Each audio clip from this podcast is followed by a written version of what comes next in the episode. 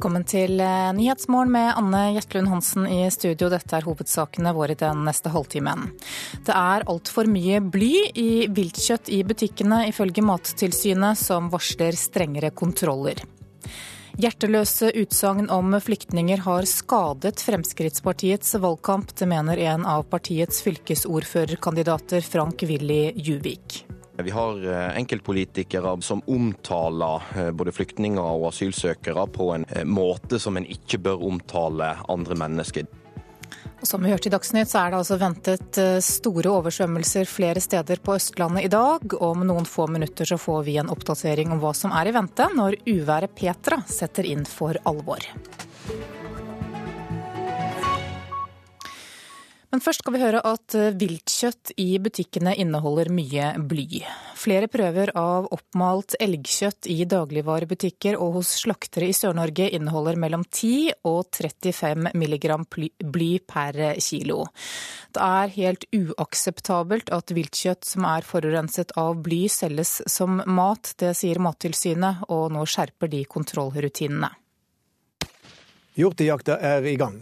Elgjakta er like rundt hjørnet. Men etter felling er det ikke sikkert at jegerne er like treffsikre når de skal skjære kjøttet rent og fjerne blyrester. Maksgrensa for bly i kjøtt fra tamme husdyr er så lav som 0,1 milligram per kilo. Det er ikke sett noen grense for bly i viltkjøtt, men mer enn to tredjedeler av prøvene av oppmalt elgkjøtt lå høyt over dette nivået. Her snakker vi ikke om 0, men mellom 10 og 35 milligram bly. Helt uakseptabelt, sier seksjonssjef Randi Edvardsen i Mattilsynet. Forhøya blymengder kan forårsake forhøya blodtrykk, nyreskader, og hos barn eller fostre i mors liv så kan det også gi noe nedsatt IQ. Men er det ikke veldig små mengder som er funnet i dette elgkjøttet? Alt i alt så er dette små mengder, men eh, normalbefolkninga har såpass mye bly i kroppen sin allerede at enhver tilleggs belastning er uønska. Årsaker til det høye blyinnholdet er altså at jegere og foredlingsbransjen både mangler kunnskap og slurver, sier Edvardsen. Jeg vil tro det kan skyldes en eh, kombinasjon. Eh, det er eh, legitimt for virksomhetene å ville ta vare på så mye kjøtt som mulig. Men det er viktig at de er klar over at også kjøtt som ser friskt ut, kan inneholde blymengder som er farlige. Og etter det Mattilsynet kaller slurv blant jegerne, blir det nå strengere kontroll av viltkjøtt som skal ut i forretningene. Eh, virksomhetene må være nøyere med å skjære bort tilstrekkelig mengde kjøtt. Og med tilstrekkelig mengde kjøtt så ser vi alt kjøtt som er synlig skada, pluss ytterligere 10 cm som tilsynelatende er upåvirka. Skal dere innføre strengere kontroller? Vi skal ha dette oppe som et tydelig punkt når vi er på kontroll. I Kjøtt- og fjørfebransjens landsforbund er ikke sjefveterinær og ansvarlig for mattrygghet Ida Mathisen urolig over de høye blyverdiene i viltkjøttet. Ja, først og fremst så er det jo ikke de verdiene som kom fram i Mattilsynets rapport. Det, det, er jo ikke farlig for folk å spise eh, kjøttdeig av vilt, av elg eller hjort eller andre, andre typer vilt. Eh, for folk flest så, så har ikke dette noe å si. Men vi ønsker jo ikke at det skal være høye verdier av bly i, eh, i eh, produktene, og ønsker ikke at det skal bli stilt spørsmål om det her. Så dere er klar for å skjære bort mer kjøtt, eh, til tross for at det kan kanskje gi et økonomisk tap for dere? Ja, det er faktisk ikke det viktigste her. Og reporter her var Åse Karin Hansen og Bjørn Atle Gildestad. Informasjonssjef Espen Farstad i Norges jeger- og fiskerforbund, god morgen. God morgen. Du, aller først, Er du overrasket over at så mye bly havner i maten på norske middagsbord? Eh, ja, det er jo for så vidt ny kunnskap dette her som kommer til oss, så, så, det må vi jo ta på alvor. Og som en sånn ansvarlig interesseorganisasjon, så, så, selvfølgelig lytter vi jo til det Mattilsynet her sier, og så må vi jo gjøre noen grep. Og heldigvis så er det jo slik at her kan vi gjøre ganske enkle grep for å, for å forbedre situasjonen. Ja, hva gjør dere med det?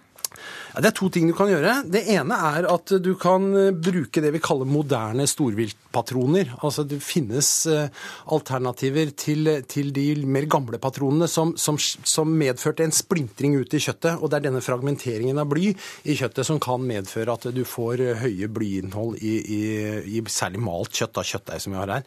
Så ved å bruke moderne patroner hvor blyet er samla også etter skuddet, sånn at du lett kan plukke det ut, alternativt bruke bruke andre materialer enn bly.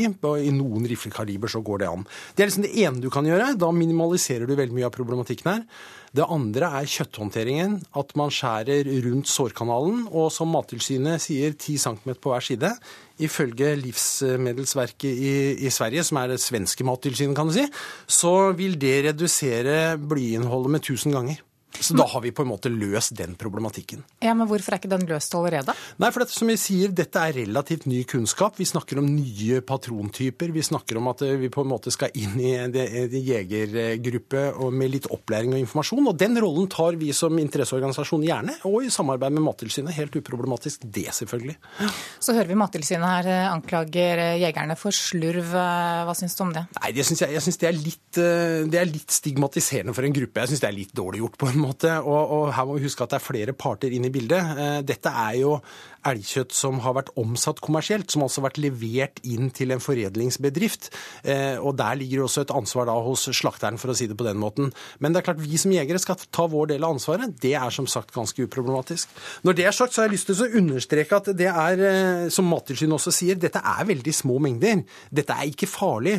I 2013 så hadde Folkehelseinstituttet en undersøkelse av blodverdiene til jegere og andre som spiste mye viltmat, og man fant ingen grunn til å rope alarm der. Og der ligger jo på en måte fasiten. Er det slik at vi tar opp i oss mengder av bly her som gjør at dette utgjør en reell helsefare? Og der er vi heldigvis ikke. Og da må det jo være sånn at vi må jo ønske jegerne velkommen ut i skogen i høst, og lykke til med jakta. at det å skyte elgkjøtt eller hjortekjøtt ute i skauen og ta med seg hjem, det er kortreist, økologisk og, og, og, bra mat og fint kjøtt. Og vi pleier å avslutte med å si at vi skyter jo også lykkelige dyr. De lever et lykkelig liv helt fram til den dagen hvor de blir avliva. Så alt i alt så er det bare plusser her sånn. Og hvis jegerne da tar til seg ny kunnskap og oppfører seg ordentlig, så klarer vi å løse denne problematikken eh, uten å dramatisere situasjonen. Da fikk du reklamert litt for viltkjøtt eh, også. Da får vi si god jakt til informasjonssjef Espen Farstad i Norges jeger- og fiskerforbund. Hjerteløse utsagn uten empati for flyktningene har skadet Fremskrittspartiets valgkamp. Det mener fylkesordførerkandidat Frank-Willy Juvik fra Frp i Sogn og Fjordane. Han mener at Fremskrittspartiet nå trenger en intern opprydding. Vi har eh, enkeltpolitikere som omtaler eh, både flyktninger og asylsøkere på en eh, måte som en ikke bør omtale andre mennesker. Frp-politikere landet over slikker såra sine etter at årets lokalvalg ble en stor nedtur. Frp sin fylkesordførerkandidat i Sogn og Fjordane, Frank Willy Juvik, sier at hjerteløse utspill mot syriske flyktninger ødela for valgkampen til partiet. Mangel på empati og, og hjerteløst eh, overfor disse menneskene, og det tror jeg partiet tar skade av. Juvik nekter å peke på enkeltutsegn eller enkeltpolitikere. Det gjorde derimot avtroppende Frp-ordfører Kjell Børge Freiberg i Hadsel kommune i går. Han mener tidligere partileder og ordførerkandidat i Oslo, Carl I. Hagen sine utsegn om flyktninger bidro til et dårlig valg. Det er jo ikke alt Carl I. Hagen har gjort den siste tida som har hjulpet oss nå. Det er vel relativt åpenbart. Hagen vil ikke kommentere saka til NRK. Første nestleder Per Sandberg sier i en SMS at de skal evaluere valgkampen på vanlig måte, medan andre nestleder Ketil Solvik-Olsen ikke har svart NRK. Men Frank Willy Juvik ber på sin side partiledelsen om å ikke være taus. Eh, vi er nødt til å, å, slå hardt ned på eh, en del retorikk. og Folk får en vegring mot å stemme på Fremskrittspartiet når man omtaler mennesket nedsettende. Reporter her, det var Asgeir Heimdal Reksnes. Det er altså ventet mye regn på Sør- og Østlandet de neste dagene, og fra i morgen så er det ventet at ekstremværet Petra skal slå til for fullt. I natt ble 15 husstander evakuert i Tokke kommune i Telemark, og i Kongsberg så er europaveien stengt pga. store oversvømmelser. Vakthavende meteorolog Øyvind Johnsen ved Meteorologisk institutt, god morgen. God morgen, ja. Du, hvor mye nedbør har det kommet så langt? Ja, Det meste kom jo i går midt på dagen og utover ettermiddagen. Og eh, mange steder i Buskerud fikk en 50-60 millimeter. Områder i Vestfold var vel maksimalt opp i nesten 88. Ellers har det vært eh, variert mellom 40 og 30, vel som de laveste rundt omkring. Iallfall sør for Mjøsa. Hvor mye er det? Ja, det er jo så mye at eh, det er nesten ekstreme verdier. altså Det ligger jo innenfor de områdene. så Sånn sett burde det kanskje ha vært eh, ekstremvarsel for dette her også tidligere. Men det fører til at det skaper store problemer lokalt rundt omkring ved det at eh, Problemet er at bakken er gjennomvåt. Den greier ikke å absorbere mer enn nedbør. Så det meste som kommer, det går ut i elven, og de svømmer fort over. Og så går det utover flatland og andre steder hvor det er mulig at eh, nedbøren kan, kan komme. For den trekker ikke ned i bakken. Og så er det altså i dag og særlig i morgen da, at det er ventet at eh, ja. Petra kommer til å slå inn eh, for fullt. Går det an å si hvordan, hva vi kan vente oss i løpet av det neste døgnet f.eks.? Ja, I dag så blir det vel kanskje en, en viss kulminering av nedbøren. Dvs. Si at det er bare byger som kommer, og dermed så blir vel kanskje noe bedre forhold rundt omkring i de områdene som har det ille nå. Eh, selve den kraftig nedbøren som vi venter, den starter ved midnatt i Agder. Og det er vel de eh, ja, kystnære områdene og noe innover i landet som får det mest. Og dette går da videre nordøstover i løpet av eh, natta i morgen og formiddagen. Og når vel opp til Mjøsområdet ca. tidlig på ettermiddagen. Men antagelig mest i deler av Agder, Telemark og Buskerud i første omgang, og noe mindre de andre stedene. Vi har jo hørt at det er oversvømmelser allerede. Kan du kort si noe til slutt om hva vi da kan vente oss av konsekvenser av disse nedbørsmengdene de neste timene eller det neste døgnet? Ja, Det er jo bare det at det er de konsekvensene, altså en kombinasjon av den nedbøren som kommer og den, all den nedbøren som har kommet nå, både i forrige uke og de siste par døgna. Eh, som jeg sa, bakken greier ikke å ta imot mer, og da blir det ganske så vanskelig på alle områder. Øyvind Johnsen ved Meteorologisk institutt, takk for at du var med her i Nyhetsmorgen. Skal vi se hva avisene har på sine forsider i dag. Dette er bare begynnelsen. Nå kommer Petra, det er overskriften i VG. Det er altså varslet ekstremvær i ti fylker, og det er frykt for den høyeste vannstanden på ti år. Etterdønningene etter valget preger også flere av avisene i dag. Ifølge Dagbladet sier sentrale kilder i både Høyre og Fremskrittspartiet at det blir en ryddesjau i regjeringen etter valget. Flere kilder i regjeringen og regjeringsapparatet mener at statsminister Erna Solberg, ifølge avisene altså, trenger en ny start på samarbeidsprosjektet, og at det blir flere statsrådsskifter i løpet av høsten. Men Erna Solberg sier til Aftenposten at det for øyeblikket ikke er noen planer om å endre regjeringen. Valget er er ingen dom over regjeringssamarbeidet, mener hun. Kommentator Harald Stanghelle sier at ingen i Høyre ville gråte mange tårer dersom Frp gikk ut av regjeringen. Kristelig Folkeparti snur ryggen til Høyre på Vestlandet, skriver Nasjonen. KrF søker makt med Arbeiderpartiet i Bergen, Trondheim, Hordaland og Rogaland. Og erfaringene får betydning for KrFs veivalg før valget i 2017, ifølge partitopper. Vårt Land skriver at en allianse mellom KrF og Arbeiderpartiet i Bergen kan bli modell for nye allianser nasjonalt. Splittelse i Ap om Venstres U-sving, det er overskriften i Bergens Tidende. I valgkampen advarte Venstre velgerne mot Arbeiderpartiet. Nå frir Venstres gruppeleder til nettopp Arbeiderpartiet og KrF om å danne byråd i Norges nest største by.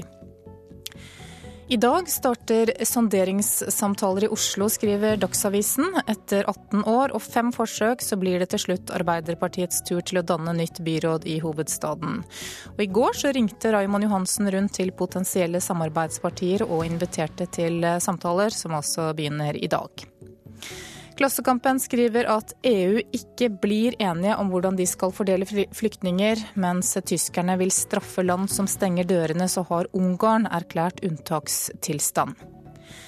Pensjonister får betalingstrøbbel. Det er en dobling av inkassosaker mot folk over 65 år, forteller Dagens Næringsliv. Kredittsjef Endre Jo Reite i Sparebank1 SMN sier at vi har fått en ny generasjon pensjonister som vil nyte livet. Skal vi ha sport. Zlatan Ibrahimovic var godt fornøyd etter gårsdagens seier over gamleklubben Malmö i Mesterligaen i fotball. På hjemmebane i Paris så vant PSG 2-0 over Åge Hareides mannskap, og Zlatan syns det var morsomt å møte Malmö. Det kändes fantastisk kul. Det, när, när man var liten, det var något man drömde om, var för att, spela, att få spela Champions League. Men nå fikk jeg gjøre det fast mot ham, så det hadde vært enda heftigere å, å spille med. Selv om Zlatan forble målløs i oppgjøret, hadde han en fantastisk assist på 2-0-målet til Edison Cavanis. Brasilianeren Maxwell slo inn, svensken hælflikket videre som bare han kan, og dermed kunne Cavani hedde inn kampens siste mål. Den, den satt fint. Han, jeg fant den bra der. Innlegg fra Maxwell klakket den videre og han gikk inn den. Så det var bra han gjorde mål. Og selv om svensken mente at PSG burde vunnet med flere mål, syns han Malmö var gode. Mye bra. De stengte matchen bra i første halvlek med fem backer. De gjorde det svært for vårt spill. Vi fikk et tidlig mål i og for seg. og andre var det, ble det lettere. Det, det åpnet mer ruter, hvilket er normalt. for det, De blir trøttere og fysisk hengte til med sånn som de gjorde i begynnelsen av matchen. Og det neste laget som Åge Hareide og Malmö møter i Mesterligaen, det er Real Madrid. Reporter her var Susanne Michaelsen. 6.49 er klokka blitt nå, dette er hovedsaker i nyhetene. Det er ventet store oversvømmelser flere steder på Østlandet i dag. Uværet Petra er på vei med full styrke. Det er altfor mye bly i viltkjøtt i butikkene, ifølge Mattilsynet, som nå varsler strengere kontroller. Og følg oss videre. Selfiestanga er blitt for kort. Det neste store nå blir flyvende selfiedroner, tror professor i digital kultur. For det skal vi høre at veterinærer ved smådyrsklinikker overdiagnostiserer kjæledyr for å finansiere dyrt utstyr som de har kjøpt inn. Det mener iallfall forsikringsselskapet Gjensidige. Selskapet mener at flere eksempler viser at veterinærene bruker utstyret unødvendig for å bekrefte en diagnose som allerede er stilt. Det sier produktsjef Torfinn Jæger i Gjensidige. Ja, Det kan se ut som det er en overdiagnostisering, og at det kanskje er med på å finansiere utstyr som man har kjøpt inn. Hos Gjensidige har prisen for å forsikre kjæledyrene økt med mellom 10 og 15% det siste året. Men der dyreklinikken tar mye for å bruke en moderne MR- og CT-maskin, kunne det holdt med vanlig røntgen, mener Jeger. Det hadde vært mye billigere. Det er dyrevelferd som skal avgjøre behandlingen, ikke økonomi. Det sier president Toril Moseng i Den norske veterinærforening. Jeg eh, forventer at mine kolleger, altså våre medlemmer, eh, forholder seg til diagnosen og behandlingen av dyret, og ikke gjør unødvendige undersøkelser med en annen eh, agenda bak. Reporter var Hans Jørgen Solli, og du kan se og høre mer om dette i Forbrukerinspektørene på NRK1 i kveld klokka 20.15. Det er ikke bare terrororganisasjonen IS som plyndrer og ødelegger kulturminner i Irak og Syria. Nå viser det seg at flyktninger som er på vei til Europa gjerne har med seg kulturminner som de bruker som betalingsmiddel under flukten. Norge har nå tatt initiativ til en kulturarvkonferanse i Bulgaria i dag som skal forsøke å stoppe den ulovlige handelen. A grisly discovery on the side of an Austrian highway, a refrigerator truck with up to 50 dead migrants. The cause of death unknown. Nyheter om menneskesmugling av flyktninger over europeiske landegrenser har gått verden rundt. Om det enten skjer via båt eller bil, er disse turene livsfarlige. Men de kan også være kostbare, og Karsten Paludan Müller i NIKU, Norsk institutt for kulturminner, forteller at noen flyktninger betaler for disse livsfarlige turene med stjålne kulturskatter fra hjemlandet. Det er jo sånn at De menneskene som, som nå er på flukt, de må jo ha noe å betale med for å komme seg videre. Og et av en av måtene du kan ta verdi med deg ut nå og betale med, det er jo om du smugler ut en, en, en, eller annen liten sak som, som, du ikke har på deg har med deg, og som har høy gensalgsverdi. Det betyr at mange flyktninger, f.eks. til Tyrkia, de har hatt med seg små figurer eller smykker eller annet arkeologiske funn som de da selger igjen. Utenriksdepartementet og statssekretær Elspeth Tronstad kan ikke fortelle noe om omfanget av problemet, men bekrefter at det finnes. Men det vi vet, er at eh, denne informasjonen eh, kommer fra forskningskontakter da, i, i Syria. Konferansen som starter i Bulgaria i dag, skal ta opp denne problematikken rundt ødeleggelse og salg av kulturskatter. Det skjer etter initiativ fra Unesco og norske NIKU. Formålet med konferansen er først og fremst å koble folk sammen som uh, sitter på informasjon og sitter på påvirkningsmuligheter for å gjøre noe med det som nå hender med Syrias kulturarv. Vi ønsker å, at denne konferansen skal føre til mer oppmerksomhet eh, om problemet. Og at vi skal bidra til at verdenssamfunnet og nasjonale myndigheter og fagmiljøer som er interessert i dette, her, blir, blir tilstrekkelig oppmerksomme på den ulovlige handelen som, eh, som, foregår. Og Det er jo et håp da fra vår side at denne konferansen bringer verden et skritt nærmere eh, effektive mekanismer om, eh, eller mot kulturarvkriminalitet.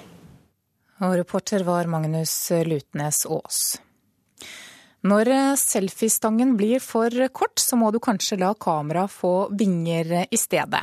Flyvende selfiedroner blir det neste i jakten på de mest spektakulære bildene, tror professor i digital kultur Jill Walker Rettberg. Det neste er helt klart selfiedronen.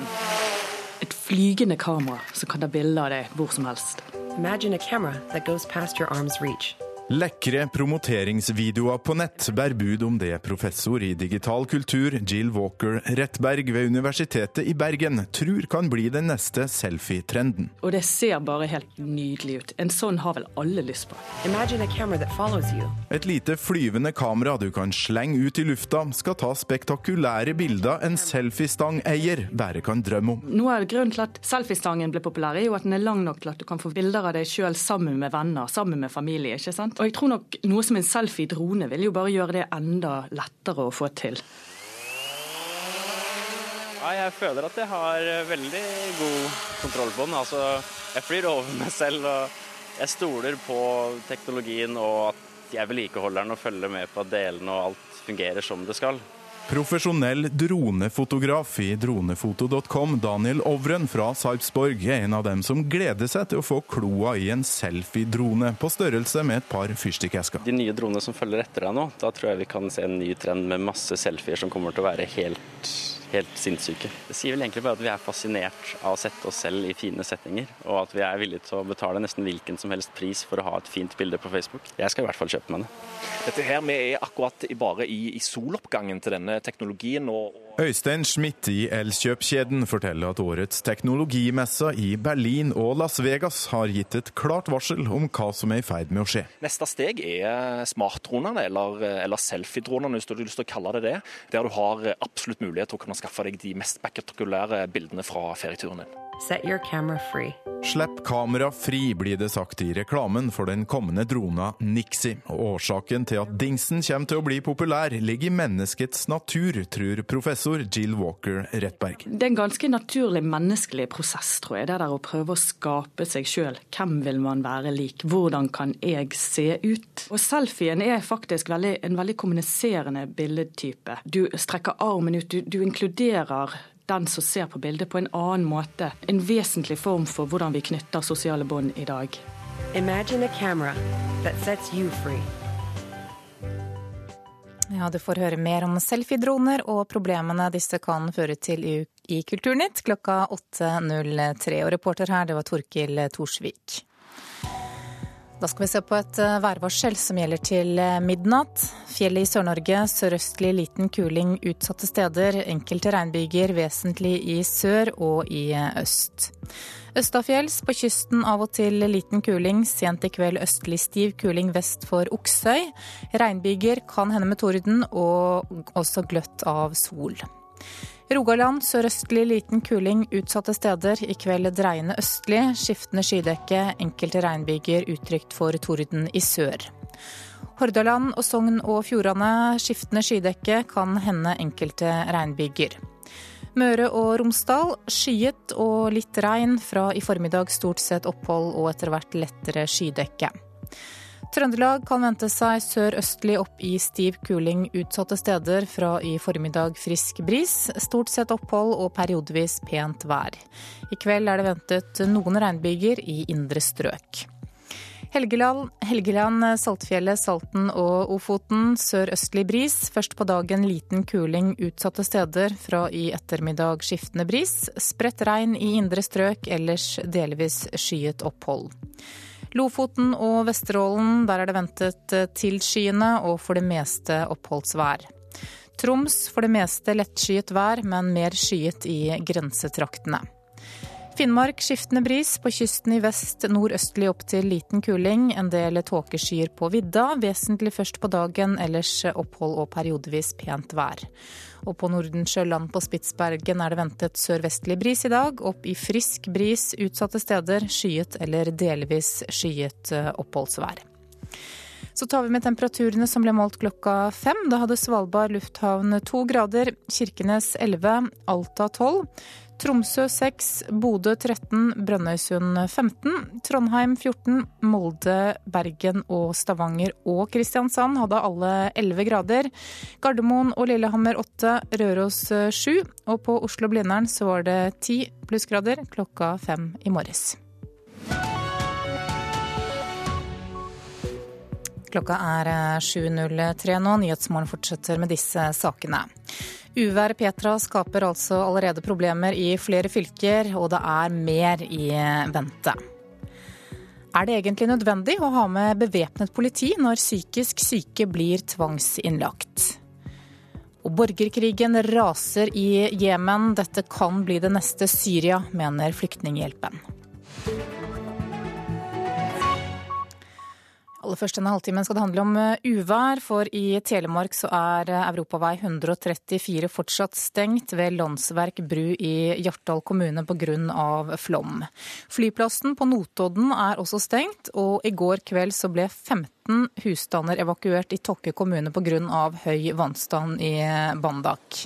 Reporter Anne Langvik, du er på Notodden nå. Hvordan ser det ut der?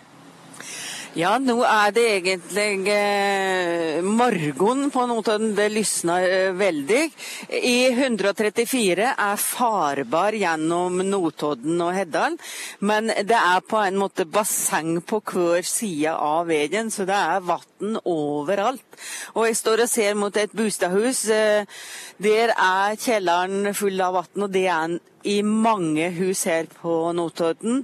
Og mot flyplassen så ser det bedre ut nå enn det gjorde for bare noen få timer siden. Og Vannet har gått ned, men det er fremdeles eh, nesten badebasseng og slike hvite traktoregg som flyter nedover med vassdraumene. Så det ser, det ser, ut som det er prega av at det har vært og flaum, og fortsatt er det, men det er altså litt mer stabilt og rolig i dag. Og jeg står her sammen med Sven Erik Rui, som er byggeleder i Vegvesenet. Og hvordan ser det ut lenger oppover? Eh, det er fortsatt stengt ved Landsverk bru. Den kommer til å bli stengt i flere dager. Vannstanden er gått noe ned midlertidig, men det er meldt mye nedbør i løpet av morgendagen. Så det tar tid før de kan få inspisert den og se hva som må gjøres av tiltak. Men det er problemer andre steder òg? Ja, litt nord for Sauland, ved Lonar, så er det òg et problempunkt som vi må sjekke nå på morgenkvisten. Der kan noe bli stengt, og da må vi få gjort noen tiltak der mens veien er stengt ved Landsverk bru. For øvrig så er det noen fylkesveier som har fått noe mindre skader, men eh, ikke noen store problemer, bortsett fra flyplassen her på Notodden da, på morgenen. Vi var oppe i natt og så ved Omnesfossen der Landsverk bru er. Og der så vi at det har gravd ut veldig mye på oppsida av brua. Kan det få gjort noe med det nå, med de enorme vassmengdene? Nei, derfor så er vi avhengig av at vannmengdene går ned. Og som sagt så kommer det mer påfyll i morgen, så det vil ta noen dager før at vi kan kontrollert få gjort noe der. Så folk må innstille seg på at E134 gjennom Sauland og Hjartdal blir stengt i noen dager? Det ser det ut til, ja. Ja, Det er altså siste nytt fra Notodden og Øvre Telemark. Det er mange veier som er stengte fremdeles, og mye problem med vann. Mange som hever hus og står med kjellere fulle av vann, men det er litt stabilt mot i morgen. Så flott at du følger med på situasjonen. Takk Anne Lognvik, som også er reporter på Notodden.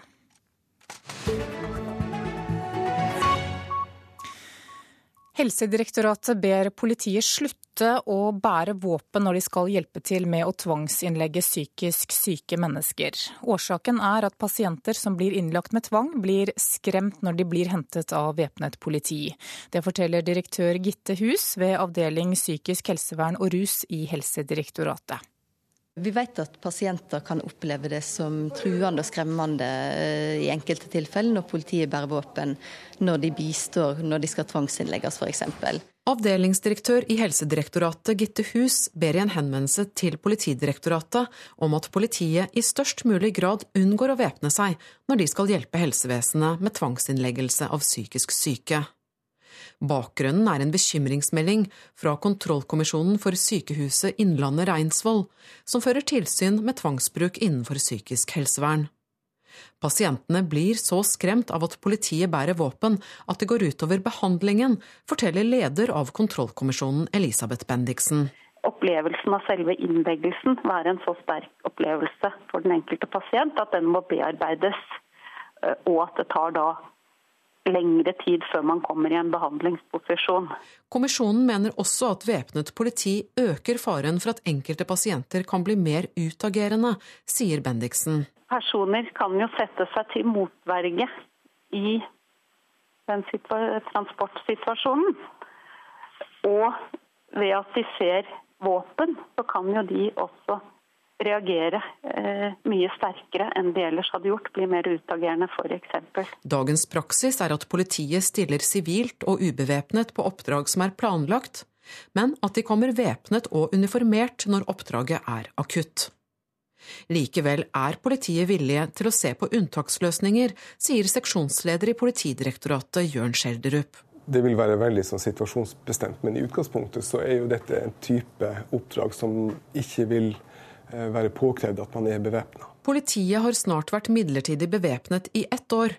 Men operasjonsleder i politiet har mulighet til å unnta uniformert personell fra denne bestemmelsen, sier Skjelderup. Vi må jo vurdere disse oppdragene på hvilken risiko man har når man går inn i det. Og, og eh, hvis man da ikke bør være bevæpna, så har vi også prosedyrer for det der eksempelvis operasjonsleder kan gå inn og gjøre en vurdering slik at man kan være, være ubevæpna. Hvis man havner i en, dessverre i en slik situasjon at man er uniformert og bevæpna. Politidirektoratet har ennå ikke svart skriftlig på Helsedirektoratets henvendelse.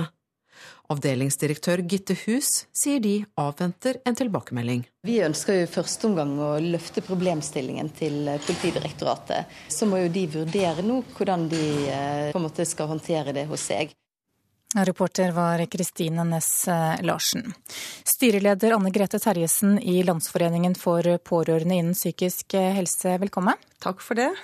Du representerer jo de som er pasientenes nærmeste. Hvordan opplever de å se at f.eks. en mor eller en lillebror blir hentet av væpnet politi? Det er klart at eh, Først vil jeg kanskje si litt om tvangsinnleggelse. Det er svært inngripende i utgangspunktet. Eh, vi som er da de nærmeste, ser jo at da har det vært en periode der pasienten som har en utfordring, kanskje ikke har fått hjelp eller ikke ønsker hjelp. Vi er da tett opptil og vil ha hjelp til at den skal få helsehjelp. Det er veldig viktig for meg. Eh, da skjer det at eh, ofte så kommer politiet inn i hjemmet og tar ut personen. Dette er en veldig sårbar gruppe. Dette er mennesker som er redde, som trenger omsorg. Og vi rundt da ser at de blir tatt ut av hjemmet, ofte når politiet kommer, kan være brutalt, og spesielt da blir lagt i håndjern. Dette er både traumatiserende for pasienten, men ikke minst familien. Men Det er vel fordi at disse er, kan være utagerende for eksempel, og utgjøre en trussel for seg selv eller andre? Helt klart det at de kan være utagerende, men det er klart det er veldig mange måter for hvordan du eh, tilnærmer et menneske som er syk. Den har da kanskje ikke den riktige virkelighetsoppfatningen, og vi som eh, familie rundt da ser dette. Eh, og når de da transporterer denne pasienten tilbake til sykehuset, så blir vi sittende igjen, ofte med en alvorlig opplevelse av at dette har vært ille for oss alle. Og det som jeg også vil kanskje si noe om, at det er familien, som sier, det kan være søsken, det kan være barn som ser på dette her, det kan være besteforeldre. Dette er jo mennesker som vi er veldig nært knyttet til. Eh, og vi får da ingen oppfølging etter dette. Og det er klart, det, da er det, sånn, det er dobbelt eh, skadelig. Det er både for pasientene og oss som familie som blir rammet av det. Jeg tror de fleste skjønner det, at når til og med politiet kommer inn med væpnet, så er dette veldig dramatisk og belastende for hele familien, og selvfølgelig pasienten. Ja, men Hvordan bør transport av psykisk syke foregå da, dersom helsevesenet selv ikke føler at de kan greie det alene og må ha hjelp fra politiet i flere tilfeller? Jeg tror nok at dette er et litt større spørsmål om eh, hvem som greier hva. Men jeg tror jo at i utgangspunktet så må jo helsevesenet begynne å se på hvordan de transporterer disse pasientene.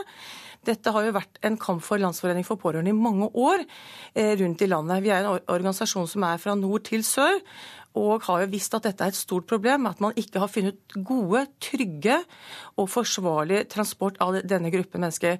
Man har valgt ulike løsninger, dårlige løsninger ofte, med politiet, som transporterer de i vanlig bil, og de er de fleste i håndjern.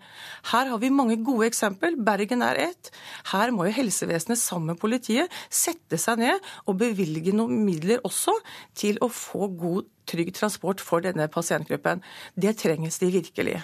Så det er sånn at dere ikke bare er kritisk til bevæpnet politi, men at politiet er med på den transporten i utgangspunktet? Ja, i utgangspunktet så mener vi at denne, gruppen, denne sårbare gruppen ikke har blitt ivaretatt tilstrekkelig når de skal transporteres. Dette er et kjent problem i helsevesenet, og man dytter litt ansvaret på politiet og helsevesenet. Mens vi mener jo selvfølgelig at man får skikkelig transport. Mennesker som kan håndtere eh, psykisk syke når de har det vanskelig, det er ikke politiet utdanna til. Men flere politifolk er vel trent også til å eh, møte psykisk syke mennesker? Ja, selvfølgelig til å møte dem. Men det, man vet jo at disse menneskene som da er utagerende, som trenger hjelp, de trenger også gode eh, helsepersonell som er trenet opp til å ivareta de. Da vet vi også at det sjelden blir utageringer. Eh, det er det som er utfordringen her. Når eh, syke mennesker får politi på døren med væpnet, så blir, blir, de også aggressive. Men det oppstår da, kan oppstå vanskelige situasjoner. Styreleder Anne Grete Terjesen i Landsforeningen for pårørende innen psykisk helse, takk for at du kom hit til eh, Nyhetsmorgen. Kommunereformen og søndagsåpne butikker var saker som skapte problemer for Høyre i valget. Det mener flere av Høyres fylkesledere. Høyre gikk tilbake i 18 av de 20 største kommunene og mister makt i flere av byene. NRK har vært i kontakt med 14 av Høyres 19 fylkesledere. Vi gjør det dårligere enn det vi forventa, og, og vi gjør det litt dårligere enn landsgjennomsnittet også. Så, så vi er nok litt skuffa, det må jeg bare medgi. Sier fylkesleder i Finnmark, Jo Inge Hesjevik.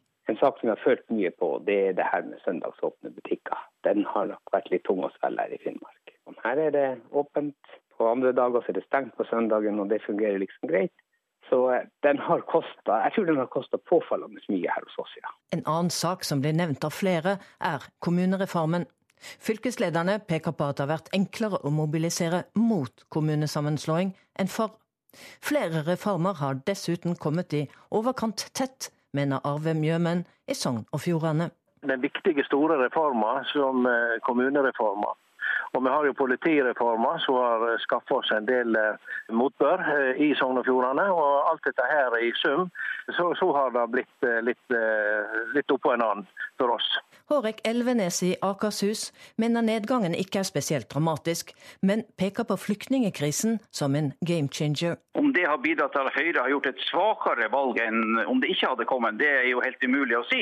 Jeg tror ikke det har påvirka resultatet for Høyre i nevneverdig grad. Men totalt sett i valgkampen så kom jo det inn som en dominerende sak på slutten, som gjorde at andre naturlige saker kom fullstendig i bakgrunnen. Kristin Ørmen Johnsen i Buskerud mener det grønne skiftet er et eksempel på en sak hvor Høyre ikke har fått snakket om sin politikk. Nå har nok eh, Erna Solberg snakket om det veldig lenge. Men jeg tror at eh, flyktningsituasjonen, som selvfølgelig hun som statsminister måtte ta tak i, at det kanskje har gjort at ikke vi lokalt sett har fått det tydelig nok frem. Reportere var Katrin Hellesnes, Halvard Norum og Line Tomter. Klokka har passert sju med 16 minutter nå. Dette er hovedsakene våre. Uværet Petra stenger flere veier, og det er mer uvær i vente. Helsedirektoratet ber politiet slutte å bære våpen når de skal hjelpe til med å tvangsinnlegge psykisk syke mennesker. Og statsminister Erna Solberg er på vei til Berlin i dag. Der skal hun bl.a. møte Tysklands forbundskansler Angela Merkel, og temaet er bl.a. flyktninger. Mens katastrofen i Syria får mye oppmerksomhet, raser borgerkrigen i Jemen uten at verdenssamfunnet bryr seg særlig, ifølge Flyktninghjelpen. Landet er i full oppløsning, og 1,4 millioner mennesker er på flukt fra bombene. Dette fattigste av de arabiske landene kan bli det neste Syria. Det sier Flyktninghjelpens Hannibal Wurke til vår Afrikakorrespondent Sverre Tom Radøy. Uh, the refugee situation in Yemen right now uh, and the displacement situation in overall is uh, catastrophic. Parameters that can uh, uh, compare the Yemen crisis with Syria. Situasjonen er katastrofal, sier Wurke. Med fartstid i Darfur, Sør-Sudan og Afghanistan er han vel vant med menneskeskapt nød og død, men ikke med en slik likegyldighet fra det internasjonale samfunnet.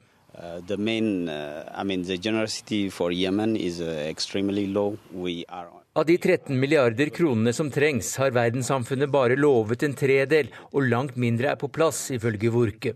Han mener sjenerøsiteten fra verdenssamfunnets side er så liten at nå trues landet av hungersnød. Borgerkrigen river landet fra hverandre.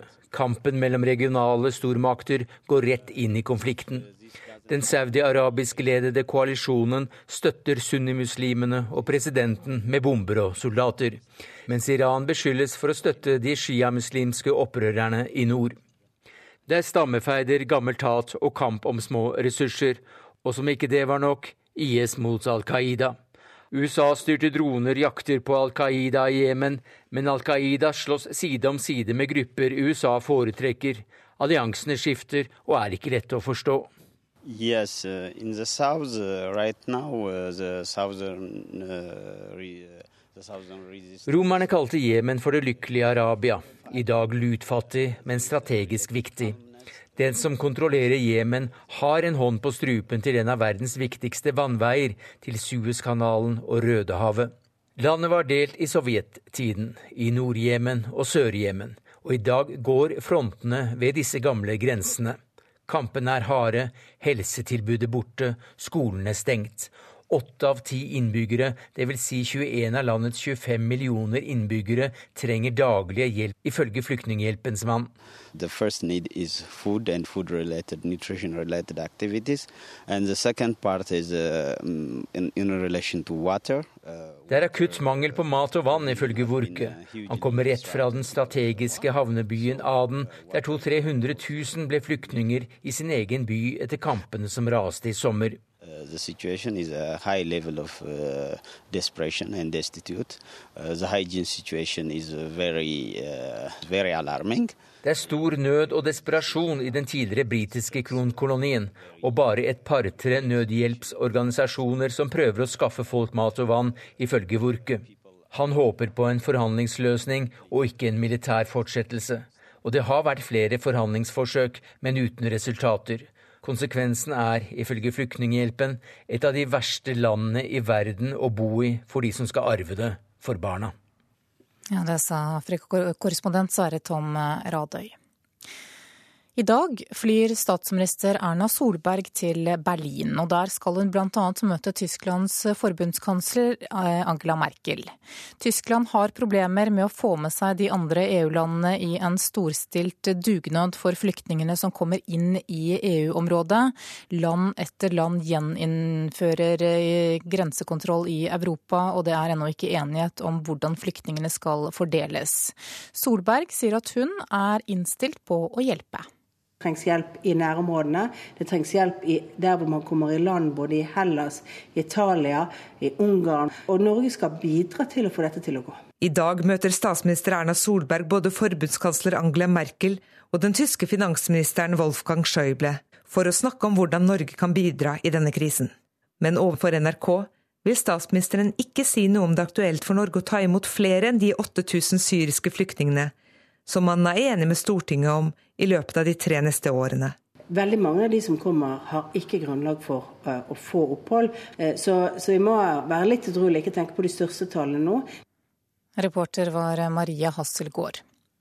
Så til Storbritannia. Det britiske arbeiderpartiet Labours nye leder, nemlig Jeremy Corbyn, er snart halvveis i sin første uke på jobb.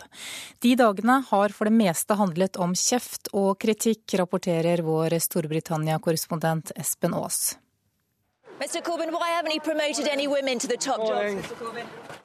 Labour-leder Jeremy Corbyn hadde knapt rukket å sende ut navnene på medlemmene i sin nye skyggeregjering på mandag, før kritikken kom.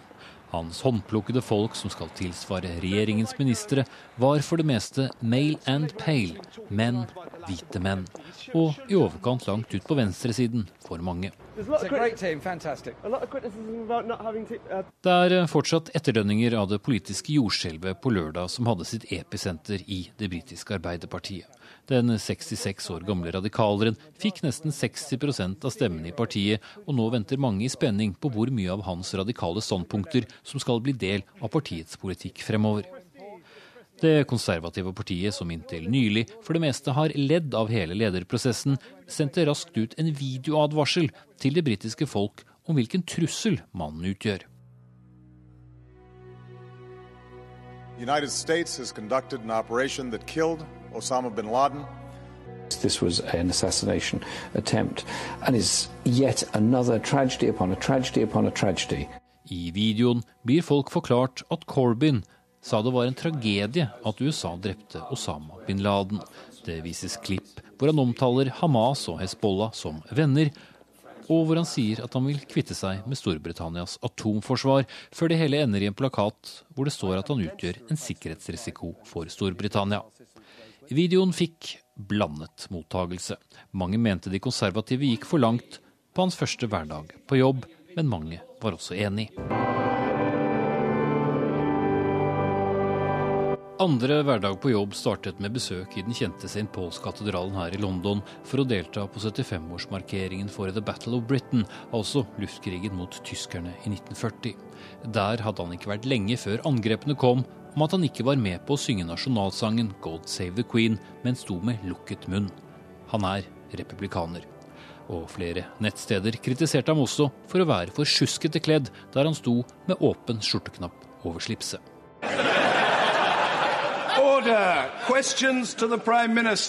I dag er det statsministerens ukentlige spørretime, som for mange er en ukentlig orgie av buing og klapping på begge sider av gulvet i Underhuset. Det blir første gang han skal møte David Cameron til debatt, og hvor han får vise for alvor hva slags opposisjonsleder han er. Men se ikke bort fra at han får kritikk også der. Espen Aas, London. Da skal vi se hva avisene her hjemme har på forsidene sine i dag. Dette er bare begynnelsen, nå kommer Petra. Det er overskriften i VG. Det er altså varslet ekstremvær i ti fylker, og det er frykt for den høyeste vannstanden på ti år. Etterdønningene etter valget preger flere av avisene i dag. Ifølge Dagbladet sier sentrale kilder i både Høyre og Frp at det blir en ryddesjau i regjeringen etter dette valget. Flere kilder i regjeringen og regjeringsapparatet mener ifølge avisen at statsminister Erna Solberg trenger en ny start på samarbeidsprosjektet, og at det blir flere statsrådsskifter i løpet av høsten. Men samme Solberg sier til Aftenposten at det for øyeblikket ikke er noen planer om å endre regjeringen. Valget er ingen dom over regjeringssamarbeidet, mener hun. Kommentator Harald Stanghelle sier at ingen i Høyre ville gråte mange tårer om Frp gikk ut av regjeringen. Kristelig Folkeparti snur ryggen til Høyre på Vestlandet, skriver Nasjonen. KrF søker makt med Arbeiderpartiet i Bergen, Trondheim, Hordaland og Rogaland. Erfaringene får betydning for KrFs veivalg før valget i 2017, ifølge partitopper. Og Vårt Land skriver at en allianse mellom KrF og Arbeiderpartiet i Bergen kan bli en modell for nye allianser nasjonalt. I dag starter sonderingssamtaler i Oslo, skriver Dagsavisen. Etter 18 år og fem forsøk så blir det til slutt Arbeiderpartiets tur til å danne nytt byråd i hovedstaden, og i går så ringte Raimond Johansen rundt til potensielle samarbeidspartier og inviterte til samtaler. Klassekampen skriver at EU ikke blir enige om hvordan de skal fordele flyktninger. Mens tyskerne vil straffe land som stenger dørene, så har Ungarn erklært unntakstilstand. Pensjonister får betalingstrøbbel. Det er en dobling av inkassosaker mot folk over 65 år. Det forteller Dagens Næringsliv i dag. Kredittsjef Endre Jo Reite i Sparebank1 SMN sier at vi har fått en ny generasjon pensjonister som vil nyte livet. Regjeringen gir ekstra penger til prosjektet Jobbsjansen til neste år. Prosjektet er med på å hjelpe minoritetskvinner ut i arbeid. Ved ett Nav-kontor i Oslo så har bydelen klart å sysselsette over 80% av deltakerne. Jeg fikk på Nav og fikk brosjyre, og jeg ringte etterpå og kom og snakket. Jobbsjansen hjelper mye å lære norsk etterpå jeg var tre måneder på kurs, og etterpå jeg fikk jobb. Svetlana Spesenic er opprinnelig fra Serbia, men kom til Norge for to år siden. Hun er en av de som har kommet seg ut i arbeidslivet ved hjelp av prosjektet Jobbsjansen. Jeg var ett år hjem og, og prøvde å søke jobb. Det var veldig vanskelig å få jobb. og og lære norsk. Regjeringen øker nå midlene ytterligere til prosjektet.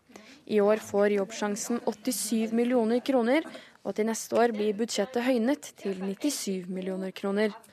Prosjektet hjelper innvandrere med språk og jobbsøking, spesielt kvinner som ikke har en tilknytning til arbeidslivet, å komme ut i jobb. At kvinnene kommer seg ut i arbeid kan være et godt forbilde for barna, å se at eh, mor er ute i arbeid. Men ikke minst så betyr det noe for egen, altså sin egen del. Det å, å, lære seg språket når du kommer her til Norge, det gir òg muligheter. At du kan komme deg ut i arbeidslivet, få seg venner og få og bli inkludert i mye større grad i samfunnet. Statsråd Solveig Horne var på besøk hos Nav Grünerløkka for å få et innblikk i hvordan de lykkes lykkes med å få innvandrerkvinner ut i arbeid. Ved Nav Grünerløkka har prosjektet opplevd stor suksess. Hele 83% av de som deltar på språk- og jobbsøkingskurset, kommer seg ut i arbeid. Vi følger opp deltakerne tett. Vi har et veldig godt samarbeid med næringslivet og private bedrifter. Eh, jeg tror også at vi har et fokus på yrkesrettet norskopplæring. Alle de tre tingene tror jeg er viktig for å forklare at vi får kvinnene ut i arbeid. Spesialkonsulent ved bydel Grünerløkka, Anders Ringreide, håper at de ekstra midlene vil kunne hjelpe flere. At det bevilges mer penger til Jobbsjansen betyr at man kan få inn flere kvinner inn i prosjektet, og ha mulighet til å hjelpe flere ut i arbeid. Reporter her, det var Rushda Syed. Du hører på Nyhetsmorgen. Klokka nærmer seg 7.30 og Dagsnytt. Produsent for Nyhetsmorgen i dag, det er Eli Bjelland. Og her i studio, Anne Jetlund Hansen.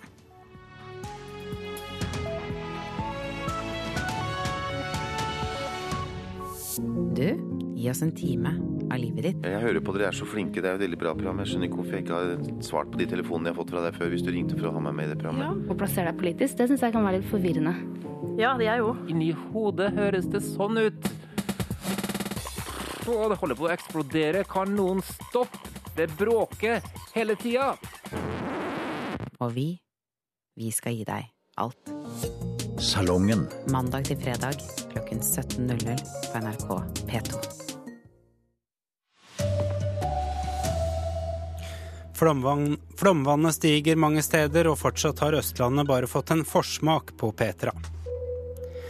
Det eksklusive elgkjøttet fra delikatessedisken kan være fullt av giftig bly.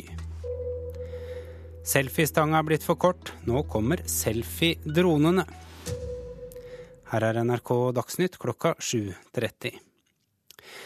Flere kommuner på Sør- og Østlandet forbereder seg nå på kraftig regn og ekstremværet Petra. I Tokke kommune i Telemark er 15 boliger evakuert pga. mye vann i elva i, Banak, og på Notodden har mange fått kjellerne fylt med vann. I tillegg er flere veier stengt, og reporter i Kongsberg Merete Aasegård, eh, hvordan ser det ut eh, der du er nå? Her velter altså Lågen nedover. Det er store, brune vannmasser som kommer veltende nedover her. Under brua, Jeg står på brua som er stengt, E134, Myntbrua. Under her så renner det 700 kubikkmeter i sekundet. Og det tilsvarer ca. 1 km med vann i sekundet. Så det er ganske mye vann det er snakk om. Nå har nedbøren roa seg lite grann. Eh, så, så, det er mulig at brua her åpner gjennom kort tid, men det er venta altså vanvittig mye mer regn i løpet av dagen og, og i morgen. Og jeg står her sammen med, sammen med André Haugen, og du står og dirigerer trafikken. Åssen går det? Jo, det begynner å bli mye trafikk som kommer nå. Eh, vi venter jo ganske mye trafikk fra Drammen og ovenfra også i tillegg, så da blir det hektisk. Ja, Og de som skal ta omkjøring her, det er snakk om ganske lang omkjøring, har jeg skjønt?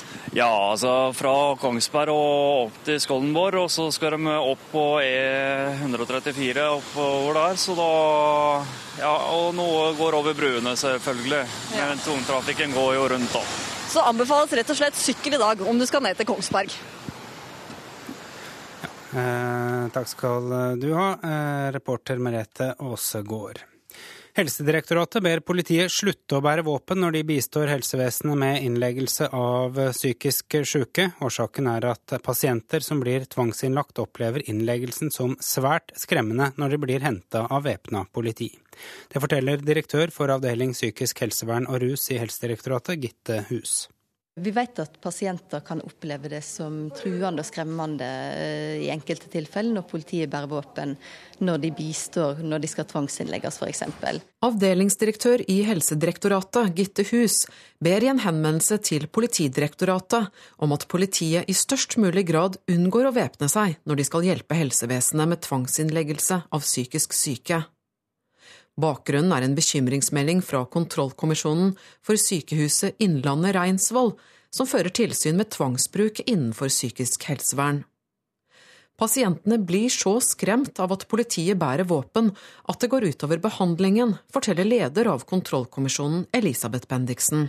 Opplevelsen av selve innleggelsen være en så sterk opplevelse for den enkelte pasient at den må bearbeides, eh, og at det tar da lengre tid før man kommer i en behandlingsposisjon. Kommisjonen mener også at væpnet politi øker faren for at enkelte pasienter kan bli mer utagerende.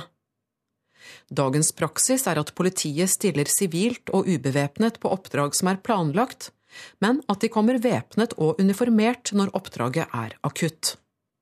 Likevel er politiet villige til å se på unntaksløsninger, sier seksjonsleder i Politidirektoratet Jørn Skjelderup. Det vil være veldig sånn situasjonsbestemt, men i utgangspunktet så er jo dette en type oppdrag som ikke vil eh, være påkrevd at man er bevæpna. Reporter Kristine Næss Larsen. Flere prøver av oppmalt elgkjøtt i dagligvarebutikker og hos slaktere inneholder langt mer bly enn det som er satt som maksgrense for ordinært kjøtt. Det er helt uakseptabelt at viltkjøtt som er forurensa av bly, selges som mat, sier Mattilsynet. Nå skjerper de kontrollrutinene. Hjortejakta er i gang. Elgjakta er like rundt hjørnet. Men etter felling er det ikke sikkert at jegerne er like treffsikre når de skal skjære kjøttet rent og fjerne blyrester. Maksgrensa for bly i kjøtt fra tamme husdyr er så lav som 0,1 milligram per kilo. Det er ikke sett noen grense for bly i viltkjøtt, men mer enn to tredjedeler av prøvene av oppmalt elgkjøtt lå høyt over dette nivået. Her snakker vi ikke om 0, men mellom 10 og 35 milligram bly.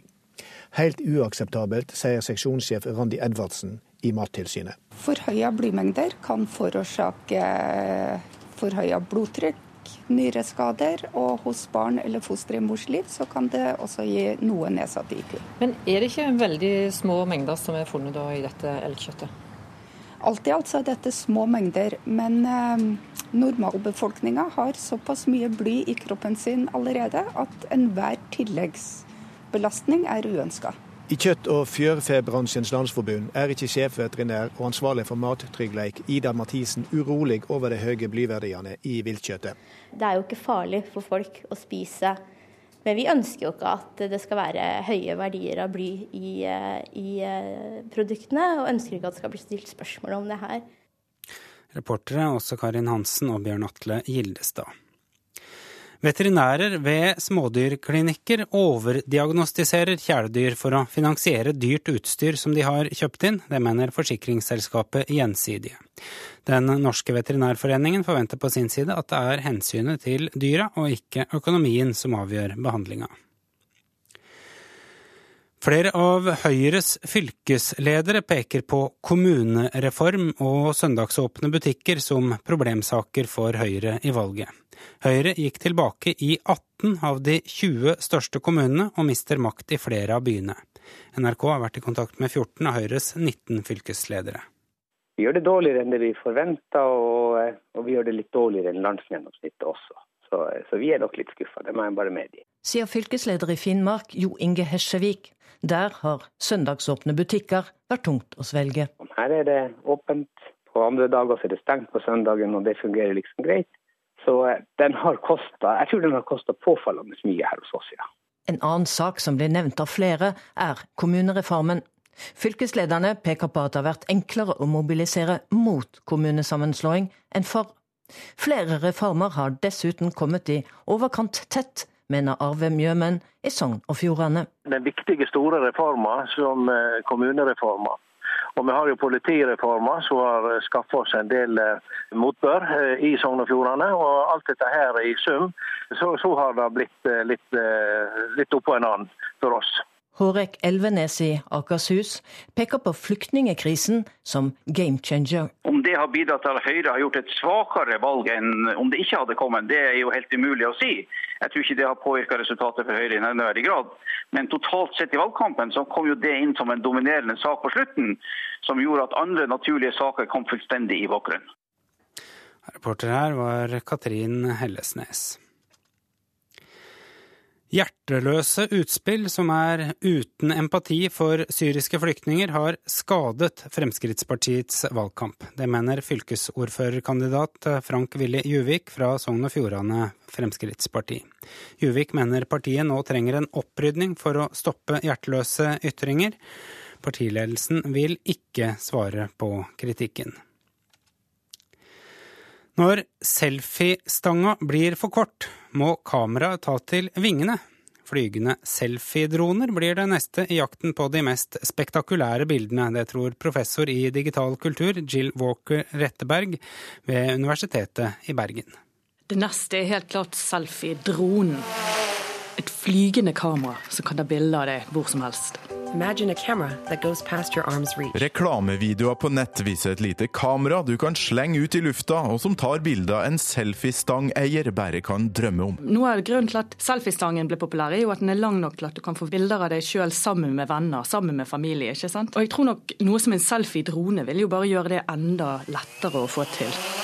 Ja, jeg føler at jeg har veldig god kontroll på den. Altså. Tidenes første selfie-drone Sano blir tilgjengelig denne uka, og kan bli en hit hvis teknologien er bra nok, tror Daniel Ovren i dronefoto.com. De nye dronene som følger etter deg nå, da tror jeg vi kan se en ny trend med masse selfier som kommer til å være helt helt sinnssyke. Selfien er faktisk en veldig kommuniserende bildetype. Du inkluderer den som ser på bildet på en annen måte. En vesentlig form for hvordan vi knytter sosiale bånd i dag. Imagine a camera that sets you free.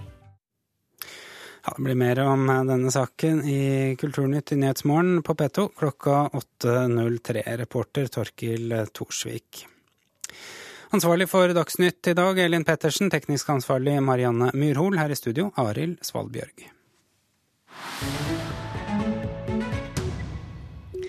Klokka er 7.40 nå, og vi skal til USA her i Nyhetsmorgen. Tørken og brannene i California rammer ikke bare hus og skogområder. Så langt i år har landbruksnæringen i delstaten tapt 15 milliarder kroner sammenlignet med i fjor, og over 10 000 sesongarbeidere står uten jobb. Det viser en ny rapport fra universitetet i Davis. Vannet pipler så vidt ut av hageslangen til Tino Lazano i Oakville i California. So day, cooking, washing, so Akkurat nå er det mange som bruker det lille vannet som er igjen. Brønnen hans tørket ut for litt over et år siden, og nå er han helt avhengig av å fylle opp bøtter i hagen som han bærer inn i huset. For 50 dollar i måneden er han koblet på et lite vannsystem sammen med seks andre i nabolaget.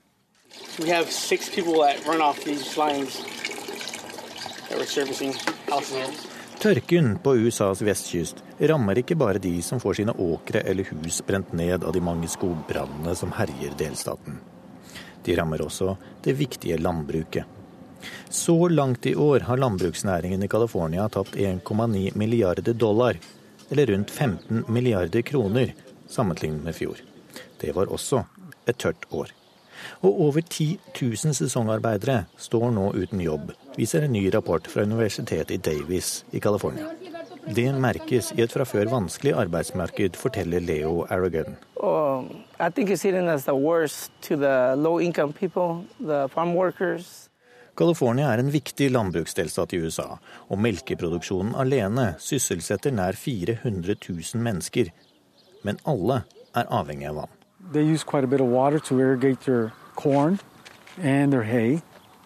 So, but that's what feeds the cows. And that's what gives us everybody jobs too. It trickles down the line. Gilbert Arredondo viser frem kuene sine som drøvtygger litt på høy i varmen. Han forteller at både høyet og kornet som de fôrer dyrene med, trenger vann. Og vannet kommer kanskje ikke med det første. For samtidig som forskere advarer mot å bore enda dypere brønner for å hente opp enda mer grunnvann, kommer en rapport om at snødekket i Californias viktigste vannkilde, fjellkjeden Sierra Nevada, nå er mindre enn på 500 år.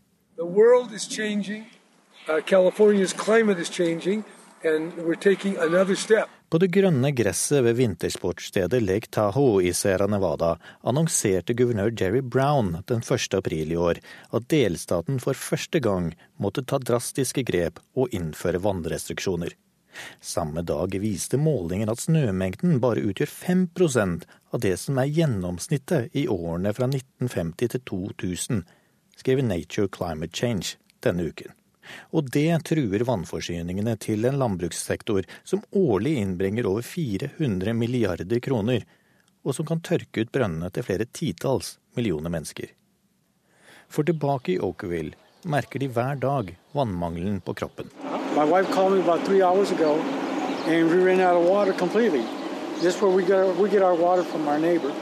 Gilbert Arredondo er på besøk hos sin nabo Tino Lazano for å låne litt vann og han håper nå at myndighetene i den lille byen snart kan bore litt dypere brønner.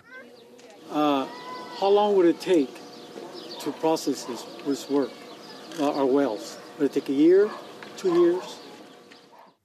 Reporter det var Christian Aanensen.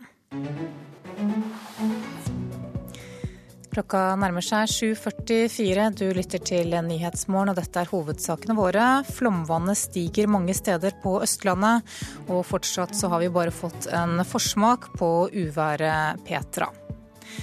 Helsedirektoratet ber politiet slutte å bære våpen når de skal hjelpe til med å tvangsinnlegge psykisk syke mennesker. Viltkjøttet du kjøper i butikken inneholder altfor mye bly, ifølge Mattilsynet. Nå varsler tilsynet strengere kontroller. Klokka nærmer seg 7.45. Det betyr at du straks skal få Politisk kvarter, og programleder i dag, det er Astrid Randen.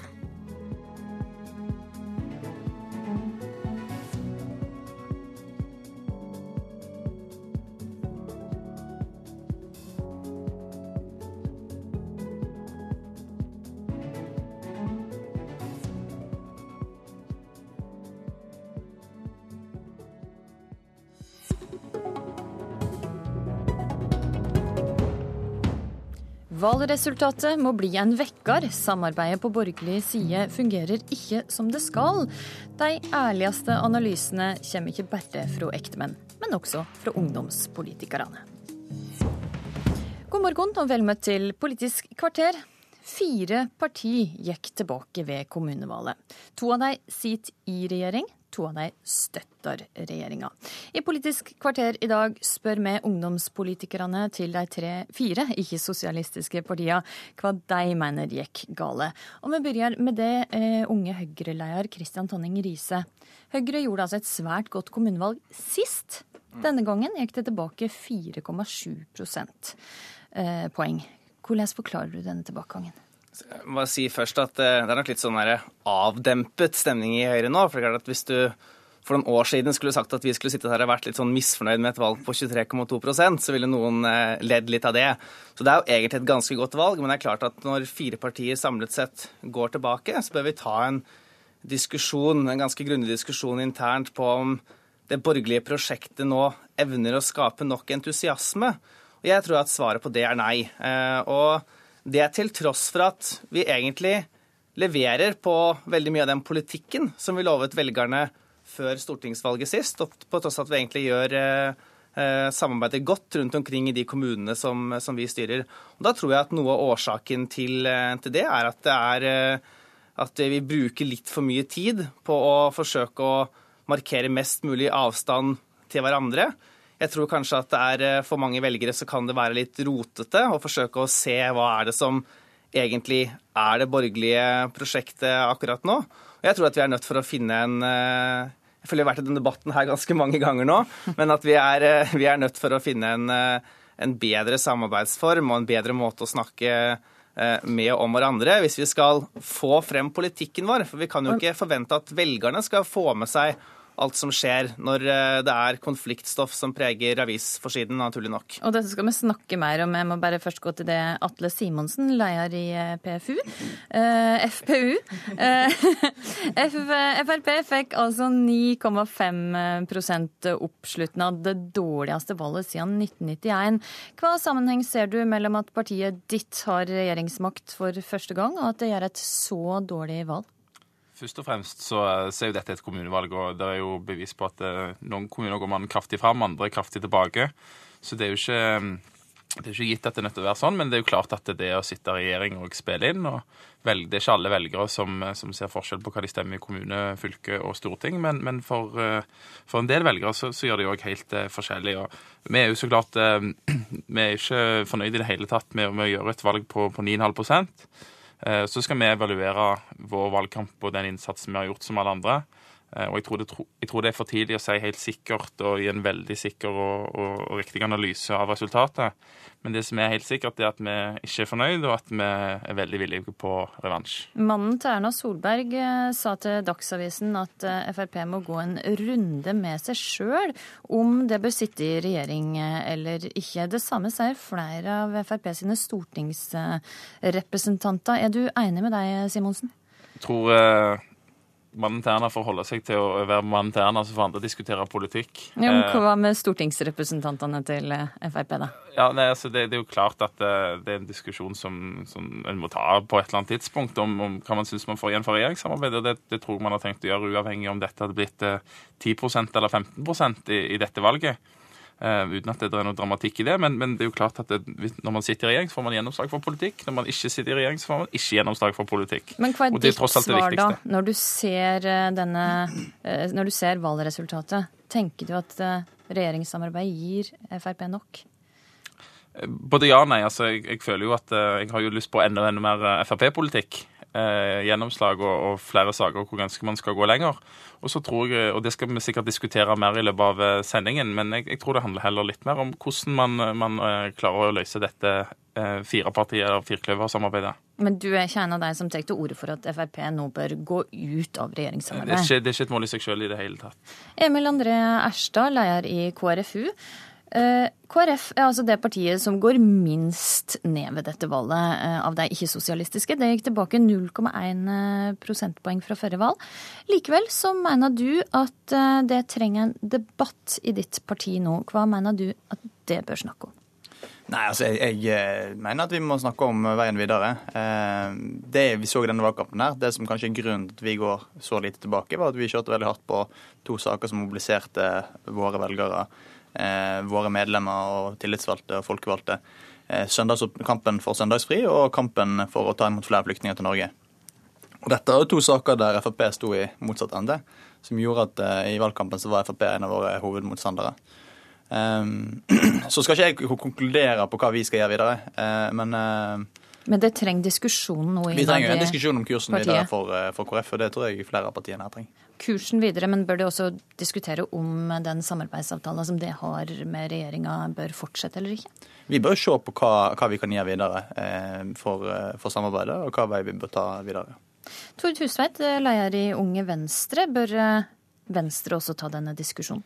Jeg tror alle bør ta en diskusjon om hvor vi skal gå eh, videre nå, og hvordan vi skal, eh, hvordan vi skal gjøre samarbeidet bedre. For det er klart, eh, selv om Venstre gjør sitt tredje beste kommunevalg siden 70-tallet, så er ikke vi fornøyd med å gå tilbake.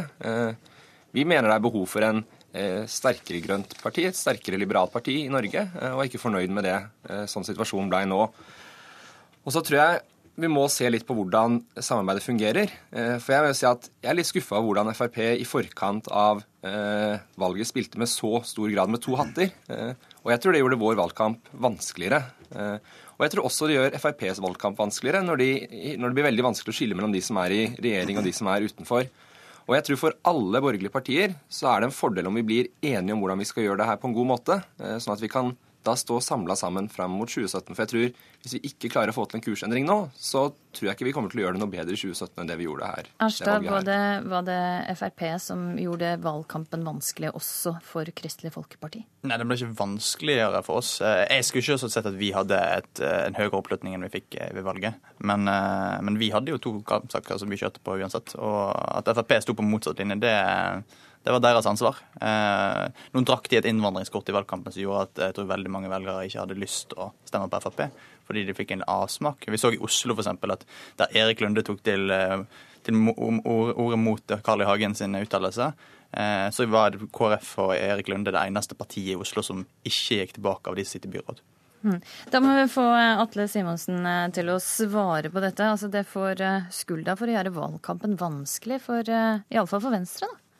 Ja, jeg tror de skal lete etter andre grunner eh, til at det blir en, eh, det blir en vanskelig valgkamp. Eh, og Jeg er ikke opptatt av å skylde på de andre partiene pga. vårt valgresultat. Men, men jeg, jeg, altså, jeg, tror alle partier har lyst til å markere både det de får til, det de ikke får til, og, og, og tale til velgerne sine og fortelle den jobben de gjør. Det gjør Venstre og KrF på Stortinget, og det må Frp òg få gjøre. Men det som, er, det som er litt av min analyse til hvorfor dette ikke går, hvorfor ikke alle partiene går fram, da, det er fordi at man, man, eh, man har litt feil utgangspunkt. Jeg, jeg, går jo inn i dette, og jeg håper at eh, alle ungdomspartilederne går inn i dette med et ønske om at alle partier skal få gjennomslag for fine, sine viktigste saker. Um, og jeg syns heller det virker litt sånn nå at man er opptatt av å finne hybrid- og kompromissløsninger i enhver sak. Uh, og alle som har sett litt fotball, de vet at du vinner ikke ligaen med å spille bare uavgjort. Da er det bedre å, at man må vinne hver sin gang. Eh, så må man heller tåle at det, det er ikke alltid man, eh, man, egentlig er til å leve med det som skjer. Og ok, Kristian Tonning Riise, for mange hybrid og kompromiss i denne regjeringa, altså? Nei, for, for, mange kompromisser tror jeg ikke det. Jeg tror snarere problemet er at det, ganske, det kan være litt vanskelig å se en enhetlig profil noen ganger. At uh, jeg tror at uh, når, når, vi syns det er rotete, så tror jeg velgerne syns det er desto mer rotete. Og det er helt åpenbart at uh, at Syria-spørsmålet f.eks., som jeg vil trekke fram, har vært, eh, har vært, en viktig faktor og bidratt til en stemningsbølge ved dette valget. Og Det tror jeg nok at vi må være så ærlige og si at uh, litt den kranglingen som har pågått, har gjort det litt vanskelig å si hva er det som er både regjeringens politikk på dette området, og hva er det som er den borgerlige politikken på det området. Skylda du uh, også mest på Frp her? Altså, nei, jeg har, ikke, jeg har, ikke, tenkt å legge skylden noe sted, men jeg tror nok at f.eks. så har det jo vært Det var jo litt, det har vært litt krevende i hvert fall å ha et et inntrykk i valgkampen av at man på ene siden har hatt en, eh, en eh, minister, altså hatt Solveig Horne, som sender ut en bønn til kommunene om å bosette flyktninger, og så samtidig så kommer det en oppfordring fra eh, Siv Jensen om, om, ikke å bosette. Altså Sånne ting tror jeg vi må ta en diskusjon på om det har vært formålstjenlig. For det tror jeg det har vært gjort litt vanskelig å se hva som er regjeringens politikk. Og ikke minst så har det jo gjort at eh, Solveig Horne har fått lite honnør for den fantastiske jobben hun har gjort nettopp med å bosette flyktninger. For det har jo aldri blitt bosatt så mange som det er nå. Men det har ikke kommet så veldig tydelig fram når valgkampen har vært kanskje preget mest av hissige diskusjoner eh, både mellom venstresiden, men også mellom, eh, mellom da spesielt kanskje Frp og KrF og Venstre. man man er jo ikke ett parti, eh, og det er det man må, må liksom ta litt inn over seg. da, at, eh, Det jeg mener med at, at det blir dumt hvis man skal finne hybrid- og, og kompromissløsninger i hver sak, det er at det er vanskelig å se at det faktisk er noen som vinner i det hele tatt. Men Simonsen, hvordan eh, svarer du på dette at, at det blir vanskelig å se en enhetlig profil med selve regjeringsprosjektet? Ja, men I, i Syria-saken så var det ikke en enhetlig profil. Det var det alle andre partier mot Fremskrittspartiet. Og det var jo Venstre og KrF som, som gikk, inngikk en avtale med, med Arbeiderpartiet istedenfor å prøve å kjempe gjennom det som var mulig å få til med, med, med Høyre og Frp. Men bare la meg dra et par eksempler da, på hvor jeg mener man, man gjør feil. En er for søndags... Ta ett eksempel, du. Ja, Søndagsåpent er én. Venstre har aldri vært en viktig sak for de, men de skal prøve å få siste kroner på verket, som gjør at dette blir en helt eh, annen sak, og, blir noe annet enn det eh, det kunne vært. En enkel eh, tillatelse for søndagsåpne butikker. Fritt skolevalg okay, og privatskoleloven er andre saker. Hvordan får det en enhetlig profil når det er så riv rykende uenig om sakene? Ta det, ja, Altså, fordi jeg, jeg er ikke enig i at vi, vi krangler for å krangle. Det er jo ikke det det går på. Det går på at vi har et, et grunnleggende politisk eh, uenighet. En stor politisk avstand. Sånn som i Syria-spørsmålet så er det jo KrF og Venstre på den ene sida og Frp på den helt andre sida av, av politikken. Og da er det da er det en utfordring. Ehm, det vi ser for KrF sin del, er jo at eh, der vi har gjort det best i denne valgkampen, her, det var kanskje i Bergen. Der var nå den største KrF-kommunen. Eh, og der satte vi oss i en sentrumsposisjon. Eh, Ja. og det, Samarbeid til begge sider, Der vi kan- ikke låse KrF Som den borgerlige sida. Ja. Det er jo en litt skummel tendens, Tonning Riise. Altså jeg tenker jo at liksom, Ideen om at fire partier i et samarbeid skulle tjene på å markere mest mulig avstand til hverandre, tror, eh, tror jeg er feil. Og det er jo litt sånn symptomatisk på starten av denne debatten her, når KrF er de som er mest fornøyd fordi de går minst ned. Jeg tenker at det, det bør jo ikke være målet i neste runde, at liksom man skal være det partiet som går minst ned. Jeg ønsker jo alle de borgerlige partiene godt og håper jo egentlig at vi alle skal gå fram. Men da er vi nødt for å finne litt tilbake til den entusiasmen som vi hadde foran valget i 2013. Og vi hadde felles problembeskrivelser på en del ting. Og også, selv om det ikke var helt like løsninger, så i hvert fall så, så snakket vi litt med, om de samme sakene. Finne tilbake til entusiasmen. Og så, eh, Tonning Riise, så har du behov for å drive litt sjølpisking av Eike-partiet i dag? Ja, altså jeg syns at uh, alle skal, uh, skal på en måte ta en diskusjon internt i sitt parti, og på en måte om politikken generelt klarer å skape nok entusiasme. Jeg mener f.eks. at vi burde ta en diskusjon om skatteprofilen til, til Høyre er, fremstår helt heldig akkurat nå. Jeg tror f.eks. det at vi nå legger opp til hver eneste budsjettrunde å ha en ny debatt om formuesskatten, tror jeg ikke har vært eh, er spesielt heldig. Så der bør vi nok finne ut nå om vi enten skal, eh, skal ta den i et jafs, eller om vi kanskje bør finne andre poster som eh, er mer egnet til å skape entusiasme om den profilen. Så du mener altså det varsla budsjettkuttet fra regjering, ytterligere kutt i formuesskatten eh, fra regjeringa, dette budsjettet, bør de la være å gjøre? Jeg mener at regjeringen burde brukt den muligheten de hadde i første budsjett til å ta, ta hele formuesskatten i ett jafs. Det at vi nå legger opp til en ny debatt, eh, den samme debatten hver eneste budsjettrunde om formuesskatten, tror jeg ikke er spesielt eh, formålstjenlig. Simonsen, kort eh, reaksjon på den. Halleluja. Det er viktigere med skattelette til folk flest. Og Emil Adler Erstad. Jeg er helt enig med det, at en bør legge vekk de skattekuttene Og Hustveit til slutt. Ja, til. I stor grad enig. I stor grad enig. Her var det litt eh, vilje til eh, sjølransaking. Kristian Tonning Riise, Atle Simonsen, Emilie André Erstad og Tord Hustveit. Takk for at det kom til eh, Politisk kvarter, som nå er, altså er tilbake til å være ett kvarter igjen. Hver ukedag på P2 og NRK1 kvart på åtte. I studio i dag var Astrid Randen. Hør flere podkaster på nrk.no podkast.